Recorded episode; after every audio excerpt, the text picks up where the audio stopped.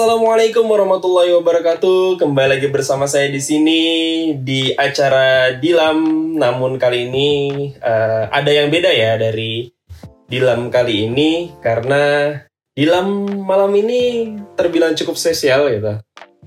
Kenapa dibilang spesial? Karena uh, biasanya partner saya laki-laki gitu kan. Namun sekarang saya ditemani dengan uh, partner diskus yang berbeda gitu ya. Uh, biasanya saya ditemani oleh Bang Fajar Maulana Syarif. Sekarang saya ditemani oleh siapa namanya? Oleh Rahmah Salsabila. Rahmah Salsabila. Aduh. Ya. Kenapa nih tiba-tiba pengen ngajakin podcast? Emang ada bahasan apa sih? Ada bahasan menarik dong pastinya tentang bekal persiapan kita menikah. Jadi bekal diri lah ya bahasanya gitu. Oh, tentang pernikahan.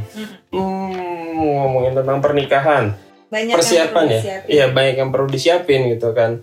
Bukan cuma soal uh, pengen-pengen aja gitu atau udah umurnya lah atau demi menghindari omongan tiap kali lebaran gitu kan ketemu saudara ditanyain kapan nikah kapan nikah dan segala macamnya gitu. Uh, mungkin sebagai awalan uh, Rahmah ingin apa namanya uh, mantik. Iya mantik. Uh, sebenarnya ini versi kita ya. Kalau misalkan kita sharing ini uh, ini persiapan versi kita. Persiapan apa aja sih? Lebih tepatnya persiapan apa aja sih yang perlu disiapin ketika kita mau menikah gitu? Persiapan bekal untuk kitanya ya bekal untuk diri. Nah kalau aku ngebaginya ada empat gitu, ada ada empat persiapan. Yang pertama wawasan, terus abis itu jasmani, ada siapan mental juga, sama hmm. finansial. Hmm. Mulai dari wawasan dulu deh. Kalau menurut Kak Ian, wawasan nih terkait wawasan persiapan apa aja yang harus disiapin? Kayak gimana sih persiapan dalam wawasan? Wawasan sebelum pernikahan ya? Hmm.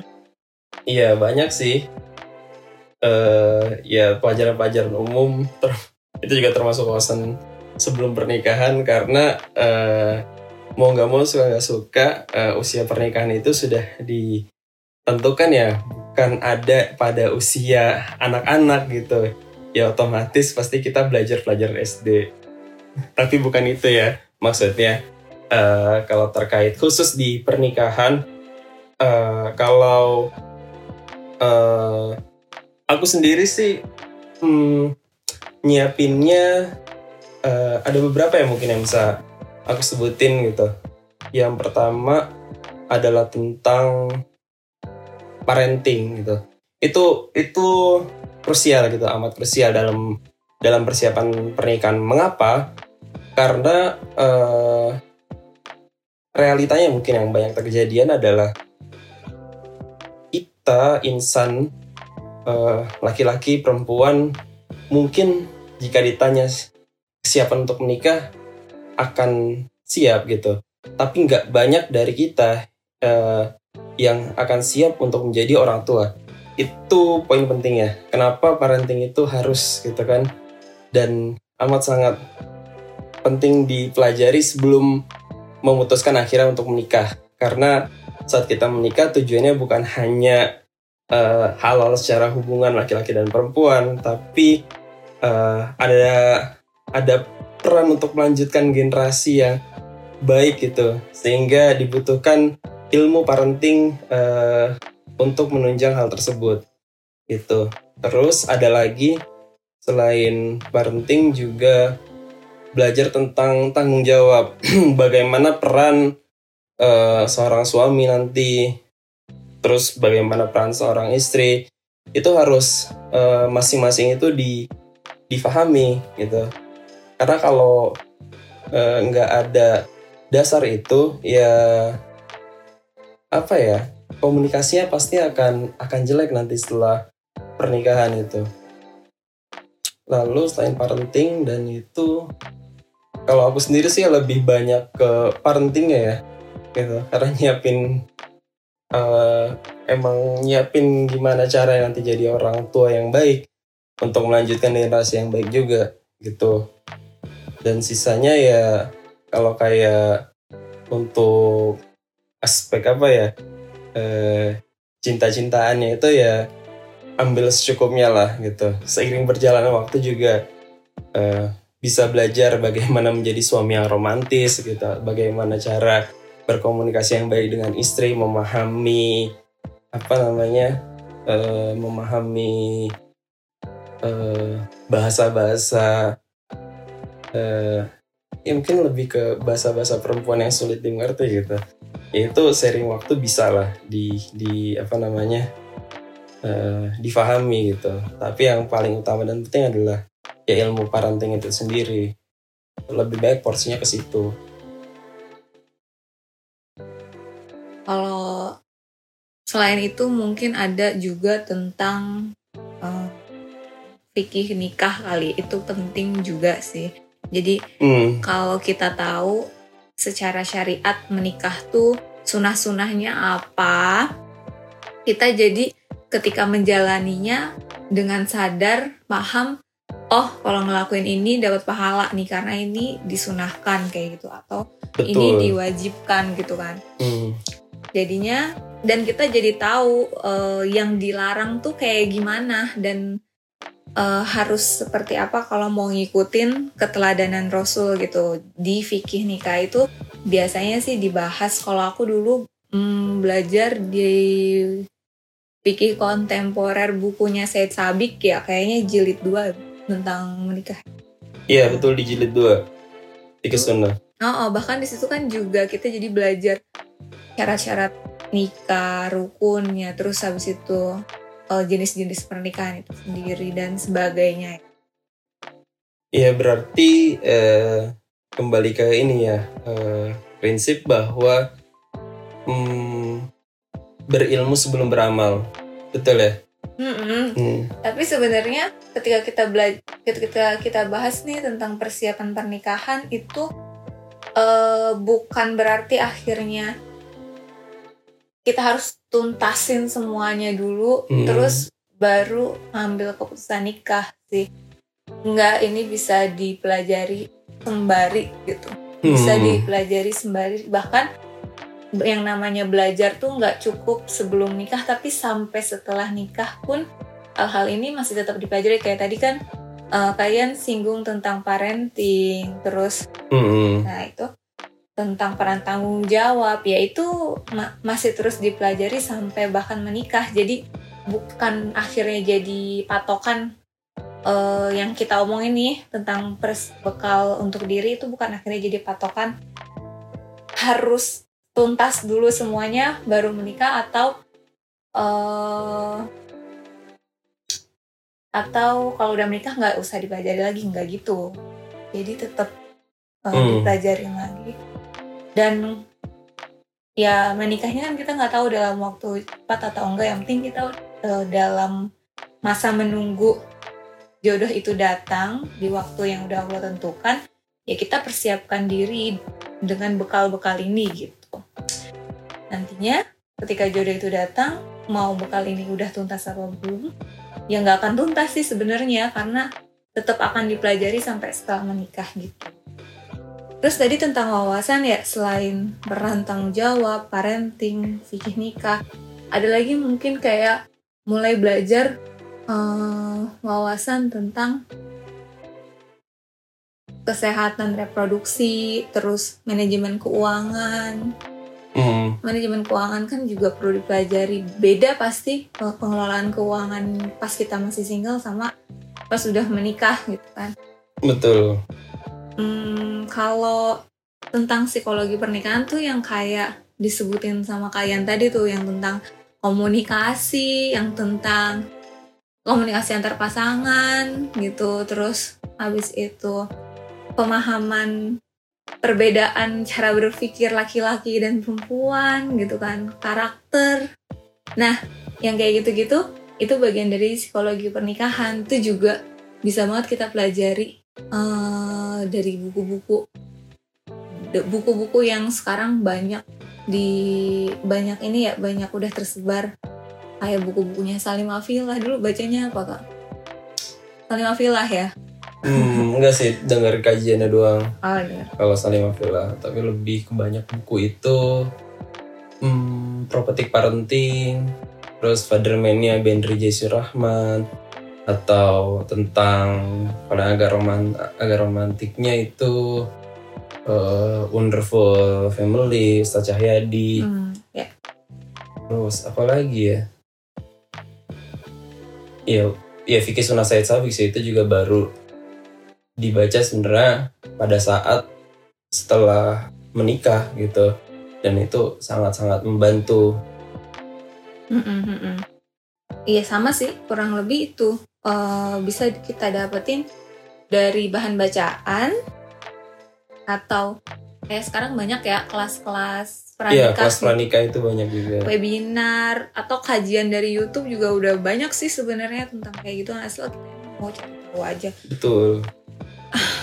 Eh ini lainnya sumber lainnya juga bisa dari sharing eh, sharing antar sharing ke orang terdekat yang udah menikah misalnya orang tua kayak gitu atau kakak tingkat yang udah menikah atau temen yang udah menikah ya bias nggak eh, kalau sebelum menikah tuh kayaknya nggak afdol gitu kalau belum sharing pasti ada Hmm, ada agenda di mana kita sharing untuk nambah wawasan juga.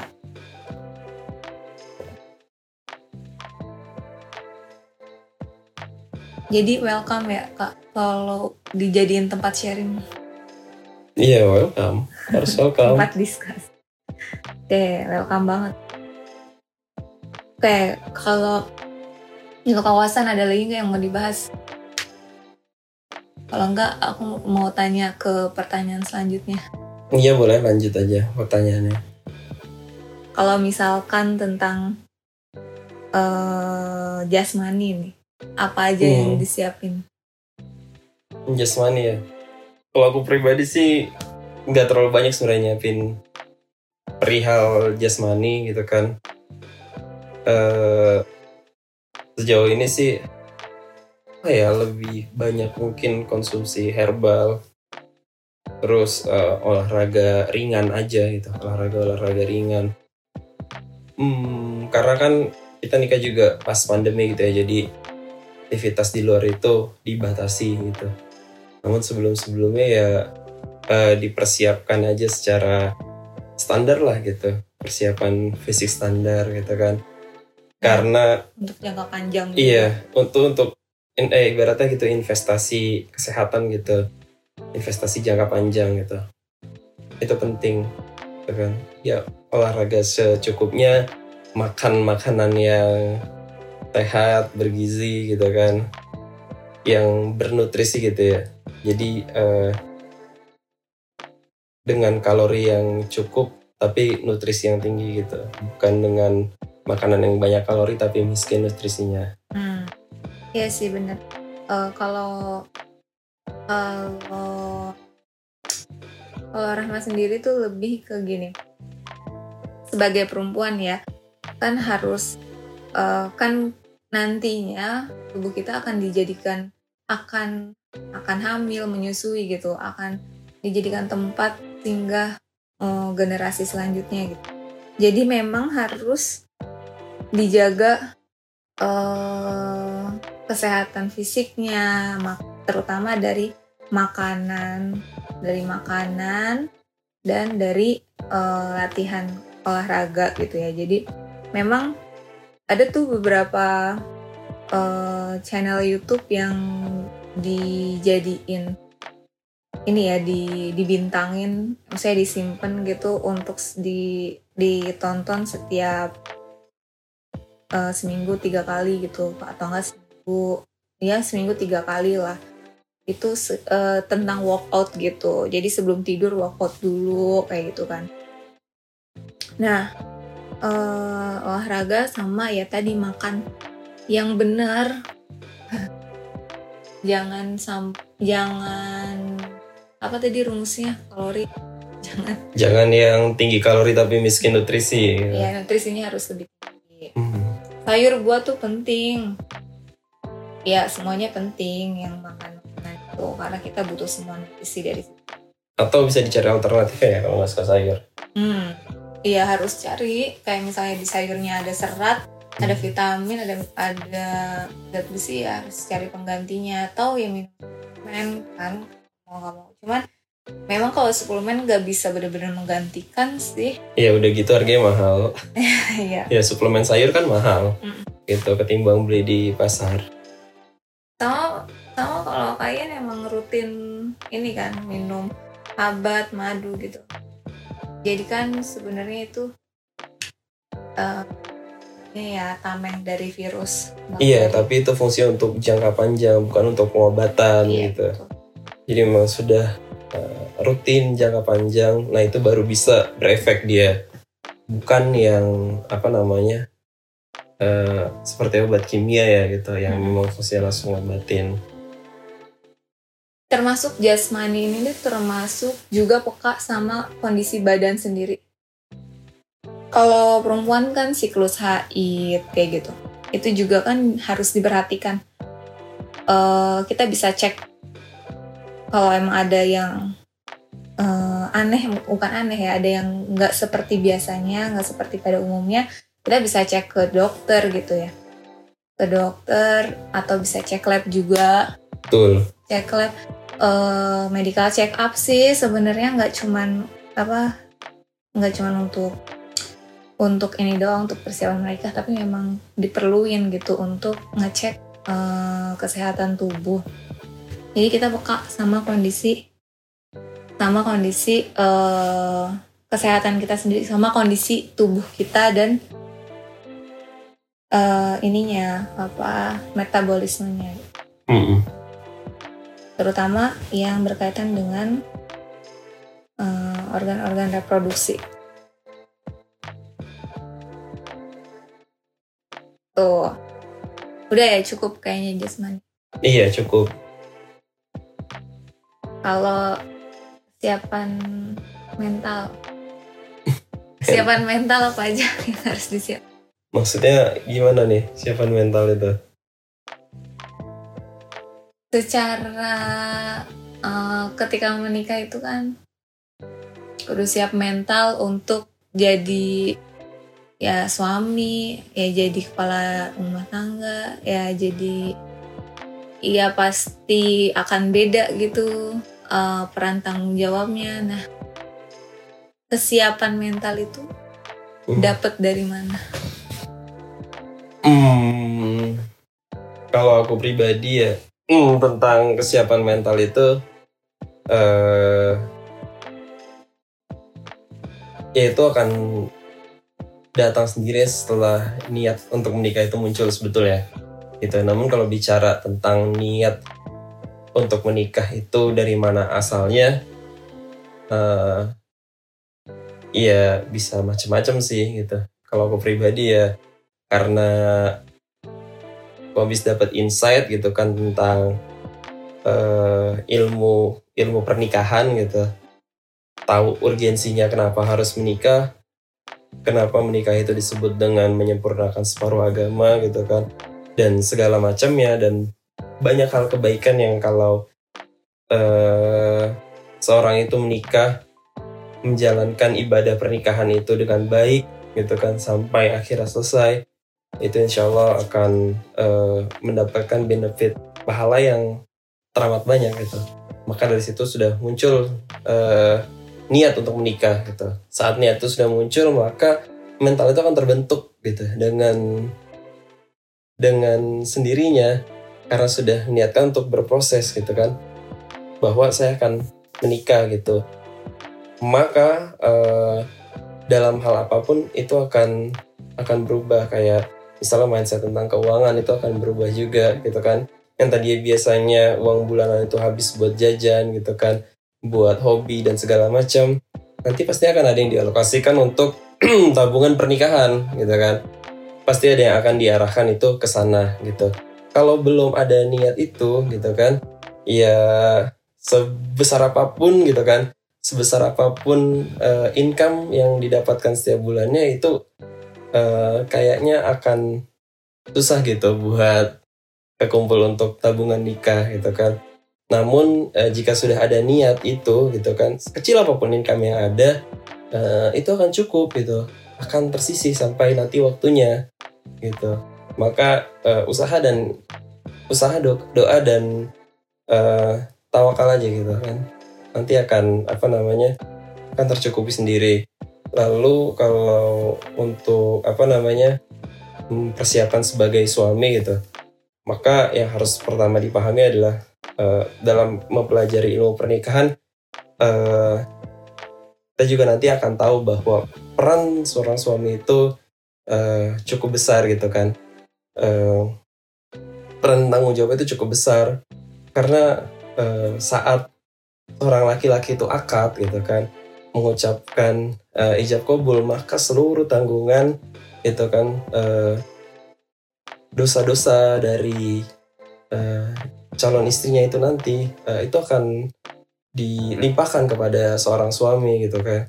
Maka saat uh, seorang laki-laki mengucap perjanjian yang suci itu itu diibaratkan kayak uh, ada gunung gitu kan di atas di atasnya yang siap menimpa uh, yang sedang berjanji itu jikalau melanggar sumpahnya gitu melanggar perjanjian tersebut maka uh, itu juga harus disiapkan gitu mental ya bahwa uh, sudah paham konsekuensinya menikah ini uh, gimana gitu kan menikah ini apa gitu konsekuensinya uh, juga waktu itu di sempat dikasih tahu ya terkait hmm, apa ya peran suami itu dia itu diperintahkan untuk menjaga diri dan keluarga itu dari api neraka. Nah itu eh, tanggung jawab yang cukup besar gitu.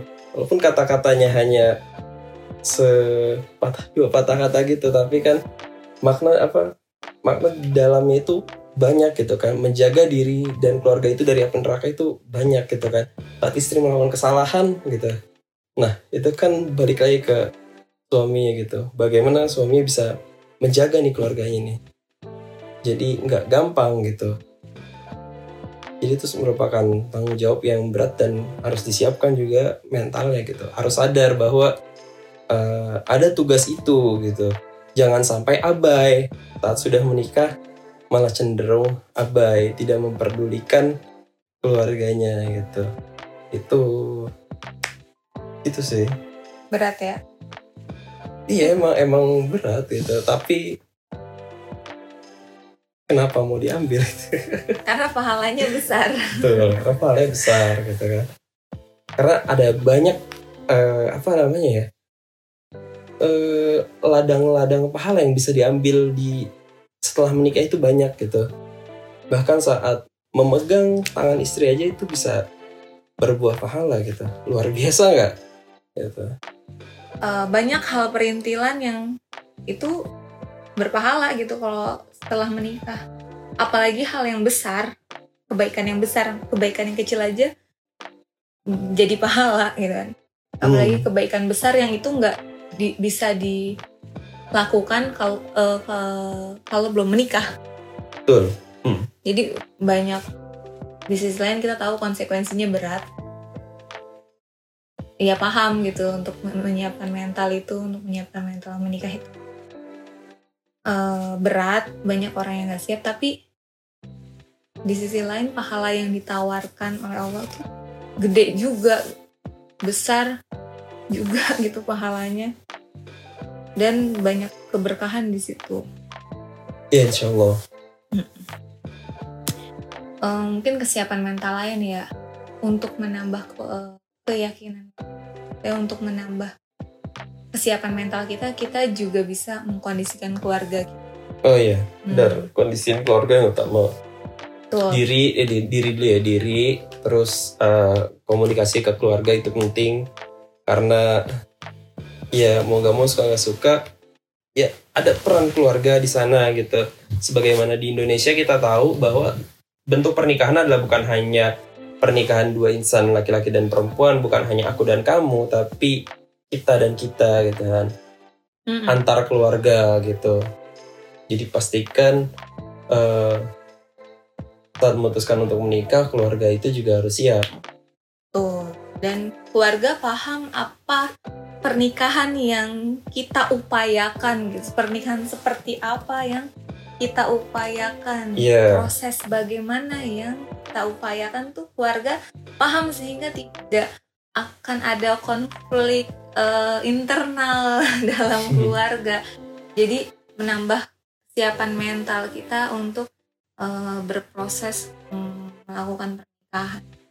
Dia pengkondisian keluarga bentuknya sering kali ya komunikasi komunikasi terutama ke orang tua kan. Dan nanti biasanya orang tua akan kalau emang orang tua udah klik nih sama kita gitu ya pasti mereka akan juga membantu ke keluarga besar jadi kita Hmm. nggak eh, nggak terlalu sulit gitu untuk kondisikan keluarga besar kita karena orang tua udah klik sama kita gitu.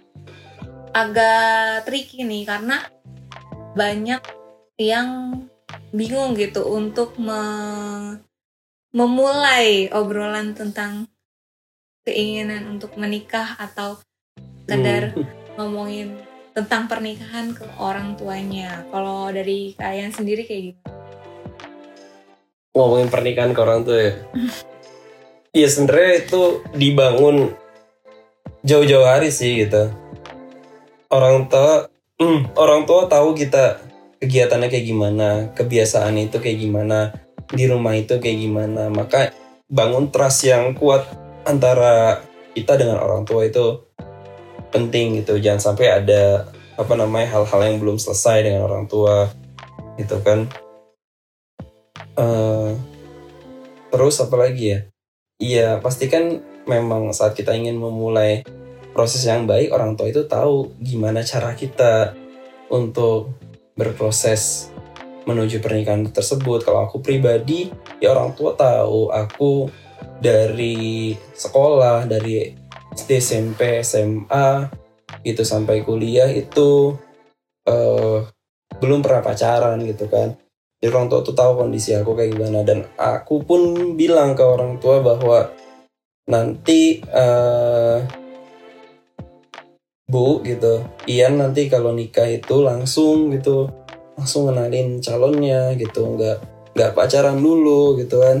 Jadi nanti ibu jangan kaget kalau tahu-tahu Ian langsung kenalin apa namanya perempuan ke ibu gitu, jangan dikira nanti apa namanya dikira ada skandal atau gimana. Enggak gitu. Tapi emang caranya kayak gitu. Tuh nah itu dikasih paham diceritain terus gitu dibangun terus. Kayak sales aja gitu kan diulang-ulang terus gitu. Jadi kayak persuasi ya. Iya. ya, sebut itu persuasi gitu aja terus gitu kan. Sampai nanti pada akhirnya saat memang sudah siap untuk berproses untuk mulai proses pernikahan ya langsung disampaikan aja gitu. Kalau aku waktu itu bilangnya eh, kayak main asal nyeletuk aja sebenarnya gitu kan. Eh, bu tahun depan boleh nggak? gitu kan. Tahun depan boleh nggak? gitu. Boleh apa nih? gitu kan. Ya orang tua nanya boleh apa? gitu potong-potong ya mau nikah gitu. Ya orang tua pasti pertama kan eh, antara sedih terharu atau gimana gitu. Anaknya udah udah dewasa nih gitu udah mau berkeluarga gitu kan. Satu sisi mungkin berat gitu kan satu sisi mungkin khawatir nggak yakin gitu. Apakah dia bisa gitu kan ngejagain anak orang gitu kan ngerawat anak orang gitu kan. Eh, sedangkan ya orang tua sendiri tuh tahu beratnya pernikahan itu kayak gimana gitu.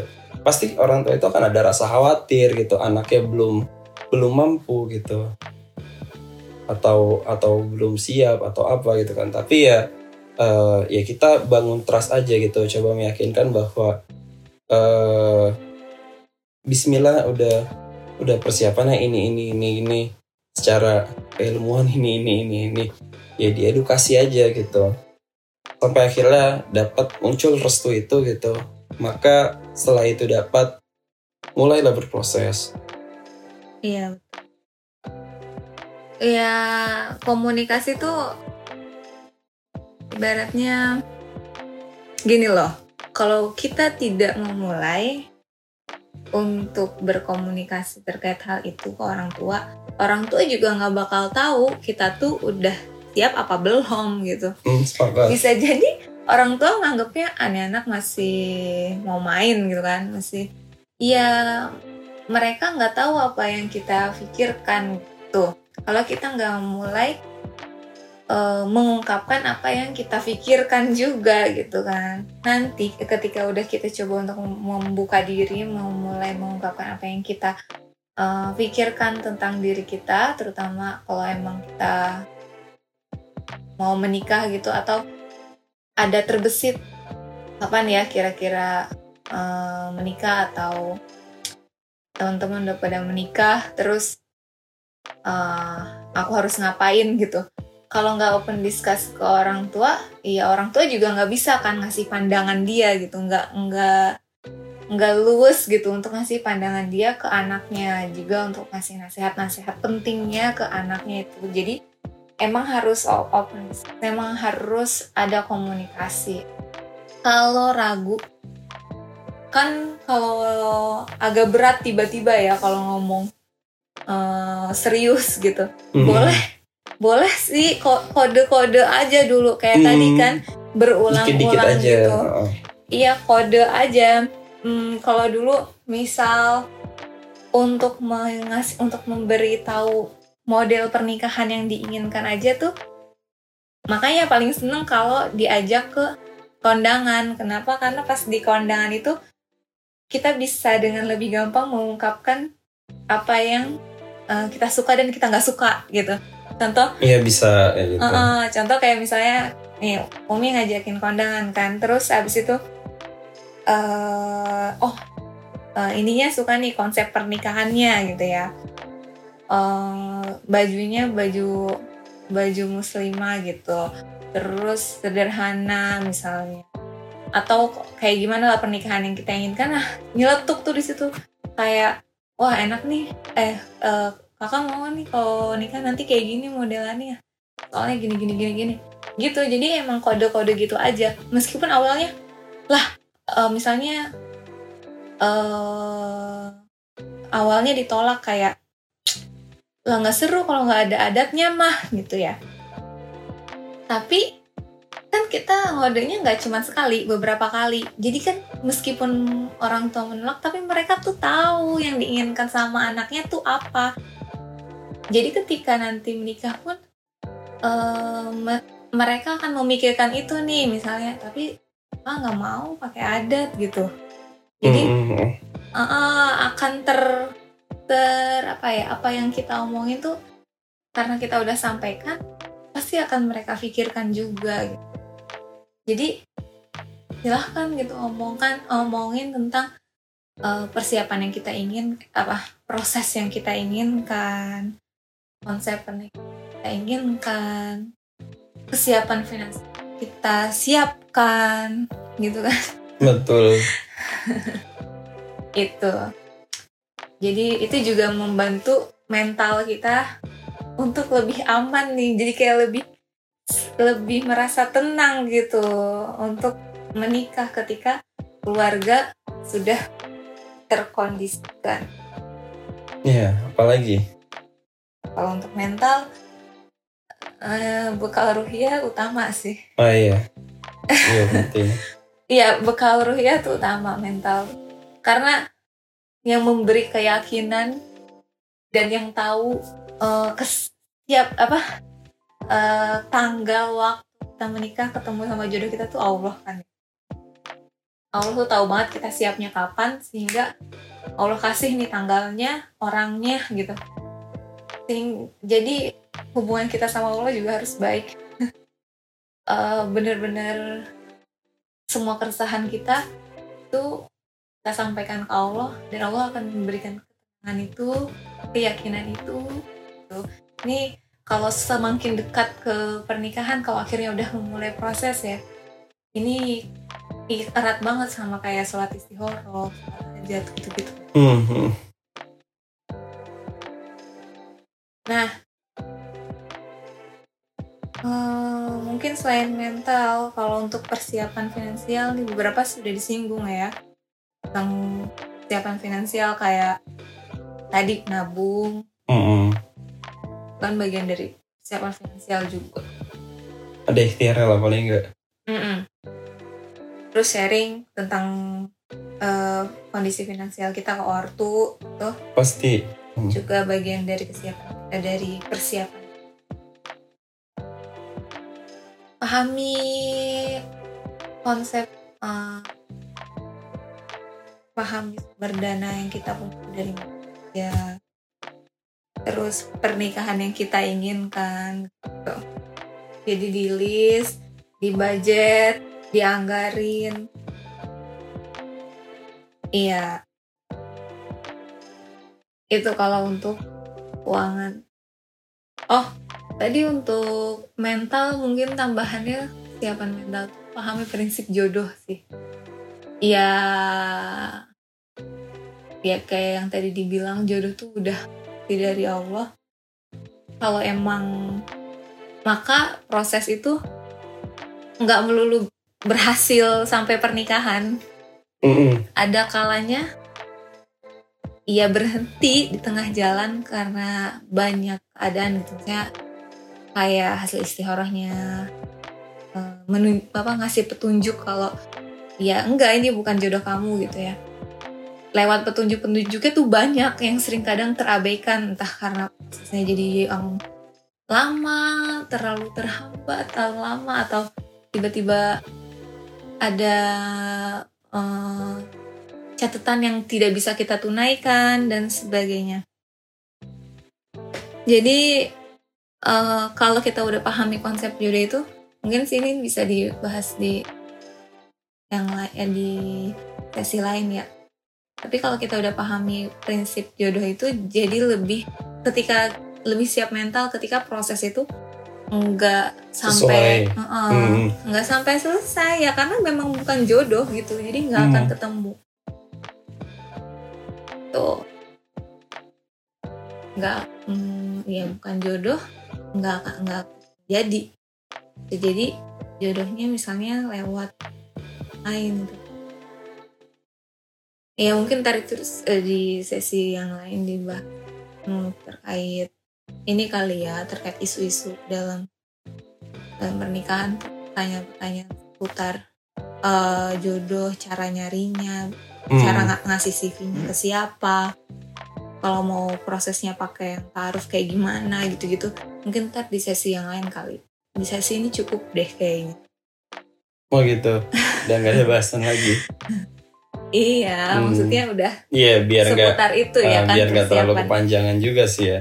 Eh, biar sobat Dilam ini bisa eh, ya sedikit paham lah gitu tentang eh, apa namanya gambaran pernikahan itu kayak gimana gitu kan.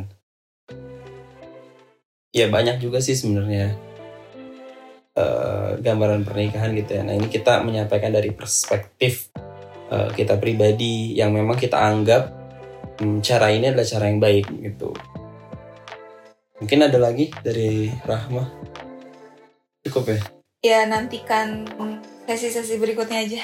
Kayaknya belum masih ada bahasan sih. Oh gitu, masih ada lanjutan di dalam spesial ya? Masih ada. Oke, eh, untuk sesi kali Insya Allah. Iya insya Allah. ya.